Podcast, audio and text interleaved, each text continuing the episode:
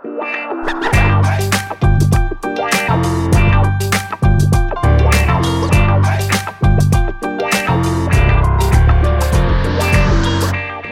welkom bij een nieuwe aflevering van een podcast over voeding. In deze podcastserie gaan we in op de wetenschap achter voeding en laten we wetenschappers aan het woord over allerlei thema's die met voeding te maken hebben.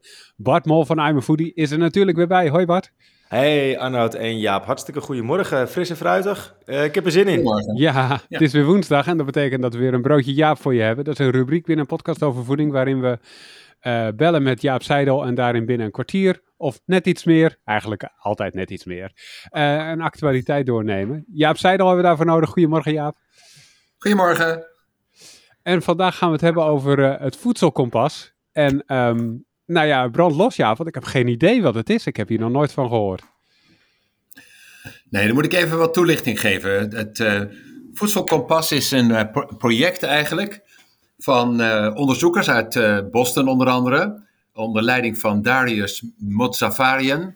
Dat is een hele bekende voedingsonderzoeker eh, die heel veel publiceert enzovoorts. Hij is ook de speciale adviseur, of de co-chair zoals dat dan heet, van Joe Biden als het gaat om voeding. Um, misschien wel interessant om te vertellen. Hè. Vorig jaar is er een White House conference geweest on hunger, diet en uh, nutrition and health of zo. Zo was dat ongeveer de titel. Een hele week lang met allemaal presentaties, omdat uh, Joe Biden en in ieder geval de regering in de Verenigde Staten vond dat er echt wat moest gaan gebeuren aan gezonde voeding. En uh, was de, de, de, de co-chair en dat betekent dat hij heel veel invloed heeft. En um, wat hij gedaan heeft, samen met onderzoekers, is een algoritme bedenken waarop je voedsel, voedingsmiddelen kon ranken. Uh, een beetje à la stoplicht, zeg maar. Je hebt uh, hè, rode kleuren ervan, die moet je vermijden. Uh, geel of oranje, dat, is, dat moet je dan minderen. En groen, dat moet je vooral meer eten. Dat is niet de eerste keer dat ze dit proberen. Maar hij heeft drie jaar lang eraan gewerkt met een hele groep van onderzoekers en allemaal deskundigen en zo. En die hebben 8000 voedingsmiddelen gerankt en de, dat gepubliceerd. En dat heeft heel veel ophef veroorzaakt. Hoezo? Dit klinkt en dat fantastisch. Is deels ja. ook. Hè? Dit klinkt fantastisch, toch? Het is een, een, een goede onderzoeker met naam die er drie jaar aan heeft ja. gewerkt. Dat, dat kan niet mis. Ja, behalve dat wanneer je naar lijstjes gaat kijken, is er altijd discussies over lijstjes. En dat is dus in dit geval ook zo. En dat is niet voor het eerst. In 2009 had je in de Verenigde Staten het zogeheten Smart Choice logo. Uh, en daaruit bleek dat uh, ouders eigenlijk hun kinderen het beste Fruit Loops konden geven. Want dat, dat, had veel vezel en er zaten ook veel voedingsstoffen in enzovoort. Dat was veel beter dan een donut of wat dan ook. Maar dat, dat leidde dan tot ophef en dat kwam op de voorpagina van de New York Times. Hè, Fruit zijn beter dan healthy for you, zogenaamd.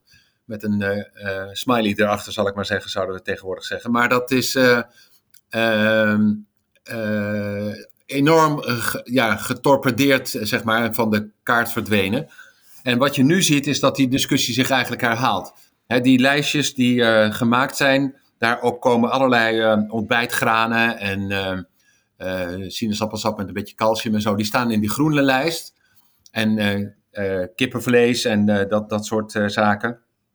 Die staan op de te mijden of te, te verminderen lijst.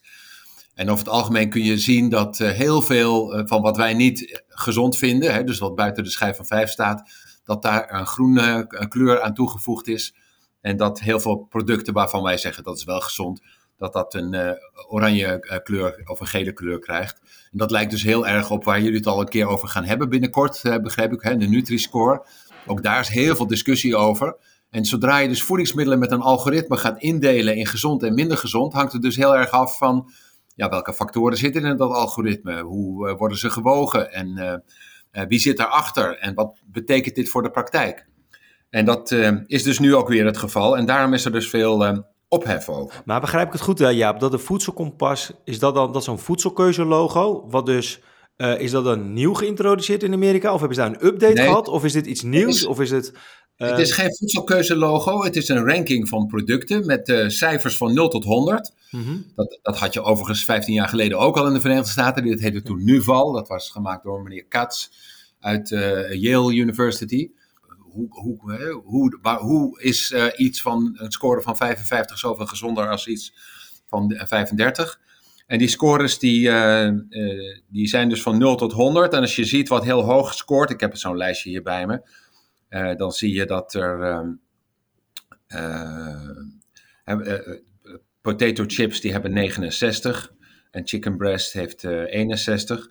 Maar zo zijn er meer van dat soort lijstjes, waaruit dan blijkt dat die ja, gesuikerde ontbijtgranen of gesuikerde almandelen en zo, dat die heel hoog uitkomen. Uh, en dat ehm, ja, zeg maar basisproducten juist heel slecht uitkomen. Maar kunnen we hiermee, wat is de conclusie dan? Is dat het onderzoek van diegene die hier drie jaar met al zijn onderzoekers aan heeft gewerkt, dat aan alle kanten rammelt? Of is het een bewijs van dat je dus producten niet kan categoriseren op basis van een algoritme, omdat het gewoon niet zo simpel is om het op die manier te doen?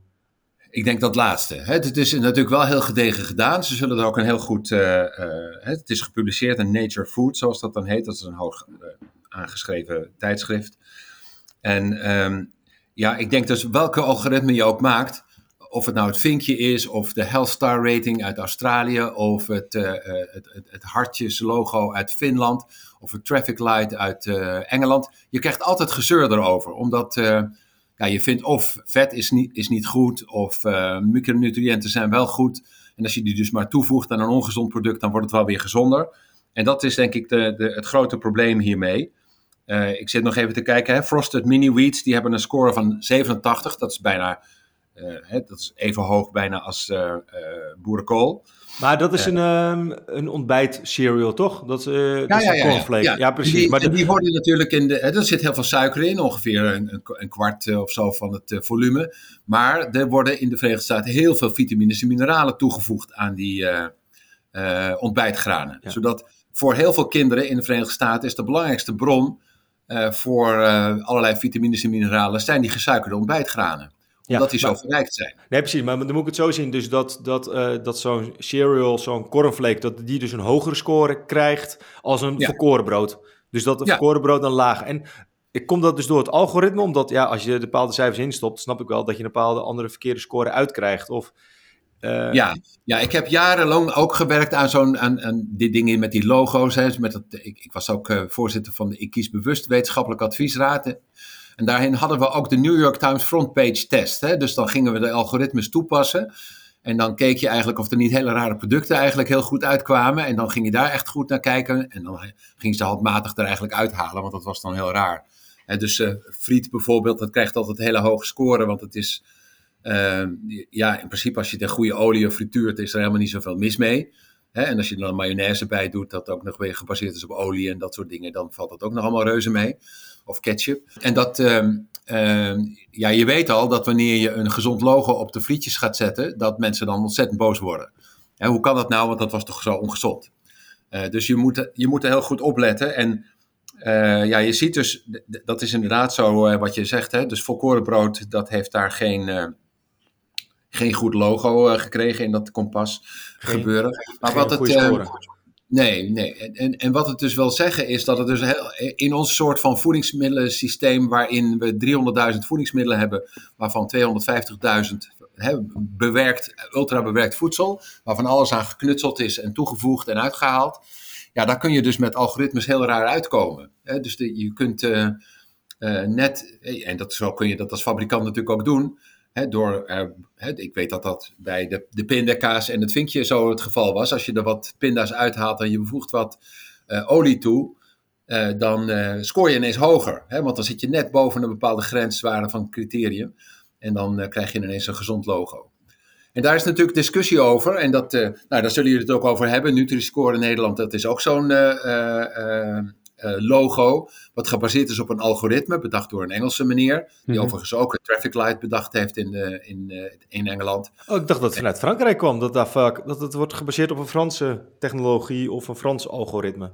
Nee, Frankrijk heeft het overgenomen, maar Mike ah. Rayner, dat is een onderzoeker uit Oxford, die zit achter het algoritme. Ja. Maar is het, ja, want uh, wij hebben daar in het verleden al een, twee shows over opgenomen. En uh, binnenkort uh, ja, gaan we er eigenlijk ook weer een update show over doen. Volgens mij de, de, de ja, eerste show daar bijna van... nu nog niet zoveel over te hebben. Maar, het nee, is snap ik. waar... Nee, maar het is meer, meer, meer voor de luisteraar. Dat we dus, we hebben, ik zal het wel ja, in de ja, show ja. notes zetten dat we er een aantal shows over hebben. Maar het interessante vind ik dat daar volgens mij twee jaar geleden al voor de eerste keren over werd gesproken. En op een gegeven moment Ja. een kabinetsbesluit Ja, al, overgenomen. veel, al veel langer, al veel langer. Oh, nog dus langer het- geleden. Ja, veel langer. Ja, dus dat vinkje had je daarvoor. Daarvoor Ja. had je ook nog een klavertje van Albert Heijn. Ja, precies. Ik kies Eh, bewust. dat was gebaseerd op een, eh, op een sleutelgat wat in Zweden was ontwikkeld. En eh, nou ja, zoals ik al zei, in Australië, de Verenigde Staten, Engeland enzovoort. Ze hadden overal al van dat soort systemen. Om de, eh, ja, de consument eigenlijk te helpen om te kiezen. Hè? En dat, eh, eh, ja, daar zit er dus altijd discussie over van... Als je gaat zeggen dat vlees per definitie ongezond is, omdat het een ho- verhoogd risico geeft op kanker, ik noem maar wat, dan, eh, ja, dan wordt al het vlees gedowngrade. En dat, dat gebeurt dus eh, in heel veel van die logo's. En dan zie je dus dat eh, ja, zeg maar, biefstuk slechter uitkomt dan, dan de Fruit Loop, zal ik maar zeggen. En dat, En Ja- Jaap, ik, ik, ik heb ook wel eens een keer iemand horen zeggen, die zegt van nou, alle producten die je grootmoeder niet kent, nou laat het even Ja, grofweg ja. zeggen, in de jaren eh, 1920, eh, alle producten die diegene toen niet kende, nou die kan je links eh, la- eh, la- eh, laten liggen, want dan is dat, ja, heb je dat niet echt nodig voor je dagelijkse bezigheden, zeg maar. Zou je niet een soort van zo'n soort label kunnen maken, gewoon een grootmoederslabel van, kijk, dit product was niet in 1920, grote kans, ik bedoel, tuurlijk mag je het kopen als je het lekker vindt, maar grote kans dat je niet zozeer nodig hebt voor een gezond voedingspatroon. Gewoon dat je zoiets doet. Gewoon even heel gechargeerd. Want Ja, we weten toch ja, wel van, dat- die ene dat- appel, die aat ze ook al in 1920. Dat klinkt heel leuk. Hè? En degene die dat gezegd heeft, dat was Michael Pollan. Dat is een eh, invloedrijke eh, schrijver in de Verenigde Staten over voeding. Eh, en hij had het over zijn overgrootmoeder overgezet. Dus het gaat twee, minstens twee generaties terug. Oh, zit op 1800 en zoveel. Ja, voor hem is dat nog ver verder terug, denk ik. En dat gaat er dus vanuit dat, dat we in die tijd heel gezond aten. En als je kijkt naar eh, wat we weten over wat mensen bijvoorbeeld rond 1900, 1920 aten, dan was dat helemaal niet zo gezond. Hè? Er waren echt heel veel eh, chronische welvaartsziektes, eh, nou geen hart- en vaatziekten en obesitas zozeer. Maar het ging helemaal niet zo goed met mensen. Hè? Mensen aten heel eenzijdig vaak. Het was, eh, vlees was veel te duur bijvoorbeeld. Dus je hebt dat bekende, je hebt de aardappeleters, dat komt ongeveer uit die tijd hè, van, van Gogh. En een groot deel van Nederland, dat altijd alleen maar aardappels. En ja, veel meer was er, was er geen geld voor. Ja, ho, ja dat, ik, ga ehm, je, ik ga je toch even tegenspreken. Volgens mij gaat die quote niet zozeer over wat mensen aten, maar wat Nee. er in die tijd was. Dus Ja, als een ja, product na die zo. tijd is ontwikkeld, is het waarschijnlijk niet een gezond product. Dat is de gedachte volgens mij daarachter. Ja, ja dat, ik snap dat wel. Ik snap die gedachtegang wel. En er is natuurlijk heel veel ontwikkeld eh, op het gebied van eh, voedingsmiddelen die eh, maken dat wij meer, er meer van eten. Hè? Dus met toegevoegde kleurstoffen en smaakstoffen en suiker en zout en toegevoegd en dat soort dingen. Maar aan de andere kant, en dan, nou spreek ik een beetje ook eh, voor de technologen die eh, hier zijn, die hebben ons voedsel een stuk eh, gezonder en veiliger gemaakt. Hè, dus wat je vroeger moest doen als je in de winter nog groente wilde eten, dat deed mijn grootmoeder en mijn overgrootmoeder ook. Dan ging je dat in zout pekelen en je ging het in bekflessen doen en je ging Ja. er suiker aan toevoegen aan de fruit en zo. En daar, eh, dat was dus de manier om het eh, houdbaar te maken. En eh, tegenwoordig kun je dat dus op een veel handiger manier doen, zonder al die toegevoegde zout en zo. Dus dat, ehm, dat maakt het ehm, wat lastig om te zeggen van wat er toen was, dat was per definitie gezond. En wat er allemaal gemaakt is, hè, wat, waar, en waar de, de technologen aan gewerkt hebben, ook om. Neem nou maar een product als, als. Je kunt daarvan vinden wat je wil, maar margarine, dat is ontwikkeld ooit om een, eh, als goedkoper variant voor eh, roomboter. Ik geloof in de tijd van Napoleon zo ongeveer, zelfs in opdracht geloof ik van de, eh, van de militairen. En ehm, ja, dat is in de jaren eh, 60 gebleken dat het het cholesterol verlaagde. En ehm, ja, als je mensen zoals Martijn Catan moet geloven, heeft dat echt honderdduizenden mensen het leven gered. Hè, doordat je boter ging vervangen door een ultrabewerkt voedingsmiddel zoals margarine, eh, ging het cholesterol omlaag en had je minder hartinfarcten. In de jaren 70 eh, overleden heel veel mannen van middelbare leeftijd aan een eh, hartinfarct. En dat is helemaal weg eigenlijk. Hè? Dus ni- ni- niet dat er geen hartinfarcten meer zijn, maar mensen krijgen het en veel later en er wordt veel minder aan, er is veel minder sterfte aan. Dus, ja, dus technologie is niet alleen maar slecht. En, en ik denk dat dat die discussie een beetje vertroebelt. Hè? Dus het wordt al heel snel van alles wat onbewerkt was, dat was uh, heel gezond. En wat mijn overgrootmoeder allemaal kon kopen in de winkel, zal ik maar zeggen, dat was gezond. En alles wat je sindsdien erbij gemaakt hebt, is per definitie slecht. Terwijl uh, er juist heel erg gewerkt is aan voedselveiligheid en naar uh, kwaliteit van voedingsmiddelen. ook door de technologie. Ja, maar hoe, hoe sta jij er dan in, Jaap? Moeten we uiteindelijk dan wel een voedselco voedselkeuze logo willen? Of moeten we het maar loslaten? Of is het juist wel goed dat we er, ja, dat het in ontwikkeling is dat we straks weer een soort van logo hebben? Of kunnen we beter maar gewoon. Ja, je moet, je moet wel een logo hebben. En we hebben eigenlijk al een eh, indeling uh, in voedsel. En dat is de schijf van vijf. He, je hebt producten binnen de schijf van vijf en dan buiten de schijf van vijf. En vroeger had je dan nog bij voorkeur, bij middenweg en bij uitzondering. Uh, dus dat was eigenlijk ook een soort indeling. Dat werkte eigenlijk best wel prima. Um, en wat je dus niet moet doen, en daar, daar, zal, uh, daar zullen mensen over die Nutri-score ook wel over spreken, is dat je een, dan een logo gaat maken wat daar niet mee klopt. dus we hebben best wel goed nagedacht over wat mag er in de schijf van 5. En dat is per definitie eigenlijk wel gezond. En dat kan ook best wel bewerkt uh, voedsel zijn. Uh, maar ehm, het gaat in principe ook, hè, want ja, ook, ook, brood is, dat is natuurlijk ook, hè, dus de vraag is dat nog bewerkt of niet. Ja, heel veel brood wat we kopen wel natuurlijk. En ehm, eh, dat, uh, als je dus een logo maakt, moet het daarmee in lijn zijn. Dat is eigenlijk het belangrijkste uh, onderwerp. Want iedereen kent zo'n beetje de schijf van vijf wel. Iedereen, als je het vraagt ook, hè, van wat is gezond en wat is niet gezond. En wij doen dat wel eens bij onderzoek. Dan zie je dat de meeste mensen bij prima weten. Hè, natuurlijk is, is de, zijn die ontbijtgranen met suiker helemaal niet zo gezond. En kun je veel beter een volkoren boterham eten. Maar... Um, uh, maar, kan je dan, ja, maar, ja, maar, maar, kan je dan de schijf van 5 ook makkelijk transformeren tot een voedselkeuzelogo? Want ik, bedoel, ik snap eigenlijk wat je zegt. Dan, is dat ja, een hele makkelijke stap of hoe, hoe werkt dat? Nou, daar zou ik helemaal niet zo tegen zijn. Kijk, als je op een bepaald moment zegt, je kunt er een, een plakkertje op doen, dit hoort in de schijf van 5. Natuurlijk zul je ook wel weer discussie hebben, maar daar zijn we het in ieder geval al over eens. Daar is ook niet zo heel veel discussie meer over. Um, en uh, alle producten die dat niet hebben, die krijgen een stickertje dat er niet in de schijf van 5 past. Dan heb je al een heel. Uh, hè, maar waar die, die voedselkeuzelogos over gaan, gaan ook niet zozeer over wat in de schijf van 5 zet is goed. Want onbewerkte voedingsmiddelen krijgt helemaal niet zo'n logo. Het zijn eigenlijk gewoon. Is er niet nog wat te kiezen binnen die productengroep buiten de schijf van 5? Want maakt het nog uit of je uh, een uh, chocoladereep met alleen maar suiker eet, of uh, als er nog noten en vezel aan toegevoegd zijn, is dat dan wat gezonder. Hè? Ja. Dus minder meuk, om het maar even zo te zeggen. En moet je daar ook een logo op plakken. Ja. Ja, ja, ik merk dat ik zelf alweer wat heel veel ideeën heb. Dat je op een gegeven moment gaan we het zelf een heel nieuw logo uh, bedenken.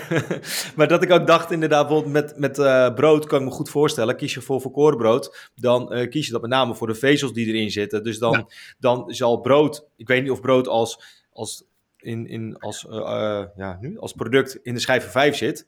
Maar ja, dan kan me, wel, kan me wel voorstellen dat wit brood, ja, uh, daar zitten weer minder vezels in. Zodat ja. als je de keuze hebt, kies liever voor een variant met meer vezels. Want dat is weer et cetera, et cetera. Ja, nou ja, kijk, en ik denk dat supermarkten hebben dat al bedacht. Hè? Dus als je nu in een supermarkt gaat kijken, dan zie je op de verpakkingen van brood één of twee of drie of vier van die aar, aardjes. Hè? De, ja, van die graankorrels. Ja, graankorrels. Nou ja, aren zijn het eigenlijk. Oh, sorry. En uh, Uh, ja, hoe meer vezel, hoe beter. Hè? Dat, dat is eigenlijk het, uh, het, makkelijkste idee.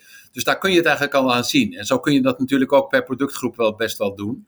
Uh, want het gaat steeds weer om iets anders. Soms gaat het om de hoeveelheid suiker, soms gaat het om de hoeveelheid vet, soms gaat het om de hoeveelheid zout. bij soepen bijvoorbeeld, hè, dan gaat het over groente en zout. En daar zou je dus veel beter per productgroep misschien de betere keuze in kunnen aanwijzen dan wat je nu doet. En dat is dus ook wel geprobeerd met dat, met dat vinkje. Maar dat vinkje, dat werd ook weer gezien als, uh, als ja, je, je geeft dus ook een label aan producten die bijvoorbeeld niet in de schijf van 5 staan, maar die wel de, binnen die productgroep de gezondere keuze zijn. En dat is denk ik het grote probleem. En je hebt uh, uh, logo's die alle voedingsmiddelen indelen in goed en slecht. En je hebt mensen die zeggen, binnen productgroepen gaan we aanwijzen wat binnen die groep nou een betere keuze is. En dan krijg je dus dat, dat binnen zo'n groep een betere keuze best wel een ongezond product kan zijn. Ja, dus het wordt eigenlijk al heel snel ingewikkeld als je een voedings. Ja, dat is het zo. En, en uh, die, die, hoe meer algoritmes je eraan toevoegt, uh, daar wordt het ook niet altijd heel veel beter van. Want dan kun je weer compenseren en zo. Dus als je dan weer wat uh, calcium aan de, aan de suderans toevoegt, dan wordt het ineens een stuk gezonder. terwijl het natuurlijk ja, de ongezondheid van alleen maar suikerwater met een beetje vitamine C. Ik weet het al, Jaap. We moeten gewoon Jaap's keuze gaan maken. Dan maken we gewoon overal met, een, met Jaap's keuze. Er is gewoon een sticker op elk product. Jaap's keuze. Nou, dan weten we het ook. Ik weet niet of ik mij daar gezicht aan wil lenen. Maar uh, um, het, wat je in ieder geval ziet, er is altijd heel veel discussie over. En dat is denk ik uh, aan de ene kant goed. Hè, want uh, zodra mensen weer over voedsel praten en over wat nou wel en niet gezond is, dan leidt dat wel weer tot meer inzicht, hopelijk. Maar het wordt al heel gauw een hoop gescheld. Hè, dus dat zie je daarbij. En dan komen we weer terug bij dat kompas. Hè, die meneer, meneer die wordt nou een beetje afgeschilderd in de social media als de, de baarlijke duivel zelf, die zeg maar de Amerikanen het uh, noodlot insleept, omdat hij de, uh, de Cheerios een hoger cijfer geeft dan de boneless chicken. En dat is natuurlijk iets wat, wat heel erg afleidt. Hè? Dus de manier waarop discussies gevoerd worden, die gaan niet zo civilized zoals wij dat nu hier doen. en waar Broodje Jaap natuurlijk een voorbeeld van is. Maar uh, um, het gaat meteen over de persoon en over belangen en over achterliggende ja. uh, complotten en al dat soort zaken. En daar moeten we denk ik vooral vanaf. Ja. Nou, want nog even één, sorry, ik weet dat jij wel afronden, Arnoud. Nou, maar ik, want een, een, bijeffect is natuurlijk wel dat je natuurlijk wel heel veel kritische denkers al gelijk hebt van, hey, hoe kan het zijn dat die ja, producten van grote commerciële bedrijven hoger scoren? Dat je gelijk weer het idee hebben dat ja, de multinationals, producenten, die, die een vinger in de pap hebben in ja, allerlei scores en logo's en dergelijke. Is dat dan ook zo, Jaap? Of is het wel behoorlijk uh, onafhankelijk, uh, zover jij kan overzien? Ja, ja, maar ook dan is natuurlijk iemand die een algoritme maakt, die heeft bepaalde ideeën daarover. Hè? Cholesterol is slecht, verzadigd vet is wel of niet slecht, uh, vezel is wel of niet belangrijk. Hoe zit het met. Nou ja, en daar, daar komen dus de persoonlijke voorkeuren en uh, ideeën van wetenschappers ook weer in, het, uh, ja, in beeld. En daar blijft dus altijd discussie over. Van ja. hoe weeg je nou, hoe, hoeveel punten krijgt vezel ten opzichte van zout, hoeveel punten krijgt suiker ten opzichte van verzadigd vet enzovoort. Dat zijn ingewikkelde sommen die niemand eigenlijk goed kan maken en waar altijd verschil van inzicht over blijft. Nou, dan ga ik hopen dat Jaap's hoofd op producten komt te staan. Dan weet ik in de supermarkt tenminste duidelijk wat ik moet kiezen. Uh, ik, wou me, ik wou me hier afronden. Bart, heb je tot slot van deze aflevering nog dingen vanuit I'm Foodie die je even wil noemen? Nee, eigenlijk niet. Nee, we gaan gewoon een, voedselkeuze logo ook maken. Oh jee. De I'm Foodie Choice of zoiets dergelijks. Ja. Oh jee. Ik kan nog wel zeggen, vriend van de show.nl slash POV, vind je deze podcast nou leuk, dan kun je ons steunen en er kunnen nog veel meer podcasts maken. Uh, zoals over de Nutri-score, die komt er sowieso wel. Maar uh, ook uh, meer dingen die we zouden willen doen en daarmee meer kunnen doen. Vind je deze podcast leuk? Geef ons sterretjes in, in je podcast-app of een recensie. Helpt anderen om ons te vinden. Dankjewel Bart. Ja, en ja Arno, ik kan nog zeggen, want Jaap die refereerde al even naar. Maar binnenkort gaan we ook een show opnemen met Martijn Katan. Katan dus ja. dat is eigenlijk ook misschien leuk voor de luisteraar. Dat er weer yes. een aantal reguliere shows aan, aan, aankomen binnen, binnen de POF. Ja, en het wordt echt heel leuk. Dankjewel Jaap. Oké. Okay. Jij dankjewel voor het luisteren. Keer. Yes, en tot de volgende jo, keer. Tot de volgende keer. Later. Hoi.